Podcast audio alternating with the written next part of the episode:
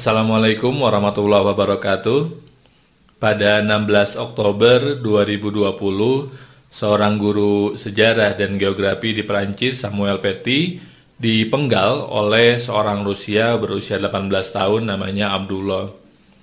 Samuel Paty dipenggal dengan tuduhan telah melakukan penghinaan terhadap Nabi Muhammad karena Samuel Paty dianggap mempertontonkan karikatur Nabi Muhammad karya Charlie Hebdo yang kontroversial dan memicu polemik sebelumnya. Kabar tersebut, kabar bahwa Samuel Paty memperlihatkan karikatur Nabi Muhammad datang dari seorang siswi muslim yang mengaku disuruh keluar dari kelas oleh Samuel Paty ketika guru yang bersangkutan akan memperlihatkan karikatur Nabi.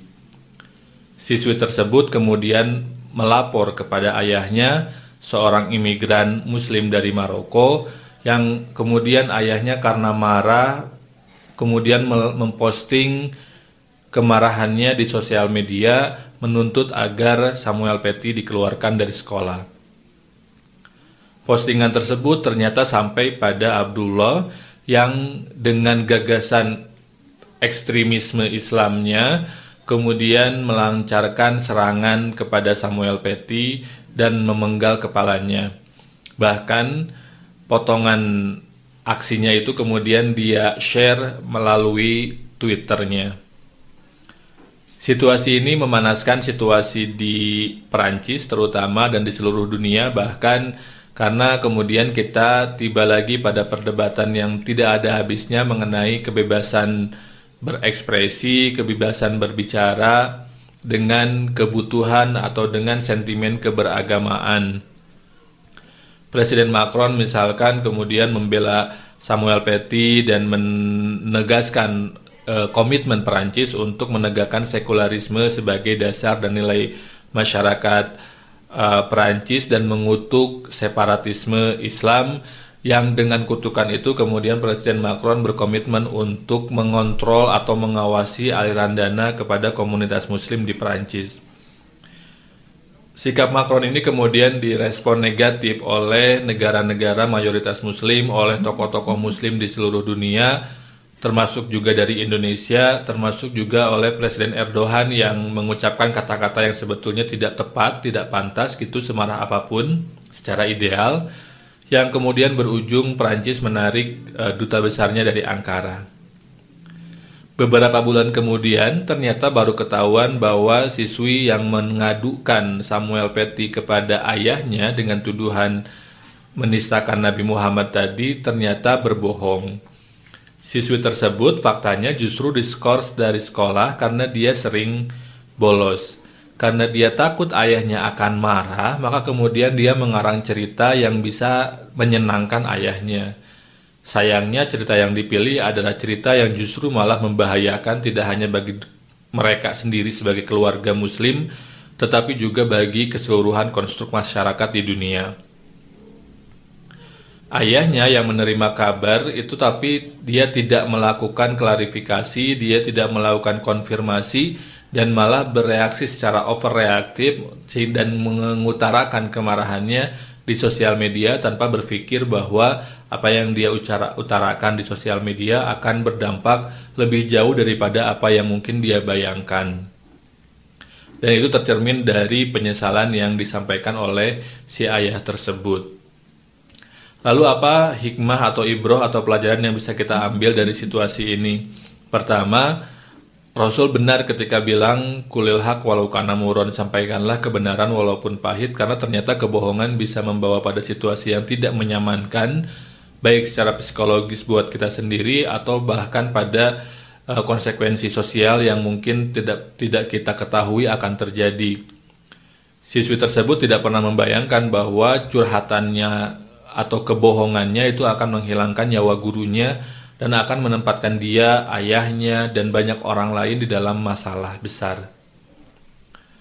Dia juga tidak terbayang bahwa kebohongan tanda kutip kecilnya akan membuat tensi memanas antar eh, setidaknya Perancis dan Turki dan umumnya beberapa negara muslim lainnya dengan Turki. Kemudian yang kedua, uh, kita bisa mengambil pelajaran pada bagaimana pentingnya tabayun. Si ayah ketika mendengar cerita anaknya tidak melakukan konfirmasi, tidak melakukan klarifikasi, tidak mentabayunkan informasi tersebut dan menelan mentah-mentah sebagai suatu kebenaran absolut. Dan yang ketiga kemudian dia melakukan sikap overreaktif padahal seharusnya secara ideal kita harus bersikap untuk um, lebih bisa menahan diri untuk bersikap uh, puasa untuk tidak overreaktif terhadap sesuatu yang mana sikap overreaktif itu bisa membawa kita pada masalah yang justru tambah lebih runyam, tambah lebih um, besar gitu. Nah dan yang keempat pelajaran yang bisa kita ambil adalah bahwa kita tidak bisa menjadikan penghinaan orang lain terhadap orang yang sangat kita cintai dalam hal ini Nabi Muhammad sebagai legitimasi untuk kita melakukan kejahatan berupa pembunuhan. Kalau kita lihat cerita-cerita Nabi di zaman dahulu, Nabi tidak pernah melakukan kejahatan tersebut kepada orang-orang yang jelas-jelas menghina Nabi. Kita ingat cerita seorang, seorang uh, pengemis buta, seorang Yahudi yang menghina Nabi terus-menerus, tapi Nabi membalasnya dengan menyuapi pengemis buta tersebut setiap hari.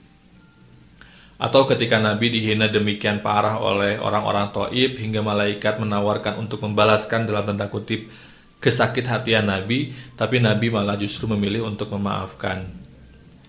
Nah, tetapi memang keempat pelajaran tadi yang ideal dalam konteks teori dan ahlak keislaman memang uh, penting, tetapi juga kita bisa melihat situasi ini dari kacamata yang jauh lebih luas. Pertama bahwa memang tidak adil kalau kita menjadikan si anak dan orang tuanya eh, yang melakukan kebohongan dan yang overreaktif di sosial media sebagai yang salah eh, 100% karena bisa jadi respon dia itu berdasarkan atau merupakan akibat dari ketidakadilan yang dia rasakan atau dari krisis identitas yang dia um, tempuh dan uh, seterusnya karena kalau pengalaman saya ketika ke Perancis memang uh, saya beberapa kali melihat imigran Muslim yang yang mengemis di sana karena mereka tidak punya pilihan. Di negara mereka di Timur Tengah tidak aman sehingga mereka terpaksa harus meninggalkan negara mereka. Dan ketidakamanan negara-negara di Timur Tengah ini kan bukan semata disebabkan oleh ketidakmampuan orang-orang di sana untuk mengelola masyarakat dan negara kadang-kadang ada campur tangan asing yang kemudian membuat suasana menjadi runyam.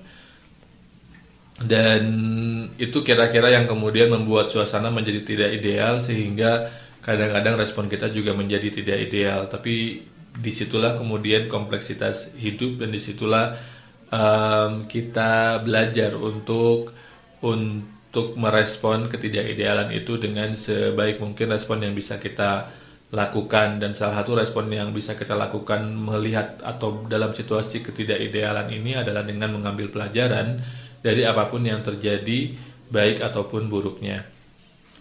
Itu saja untuk tanggapan mingguan kali ini. Terima kasih. Wassalamualaikum warahmatullahi wabarakatuh.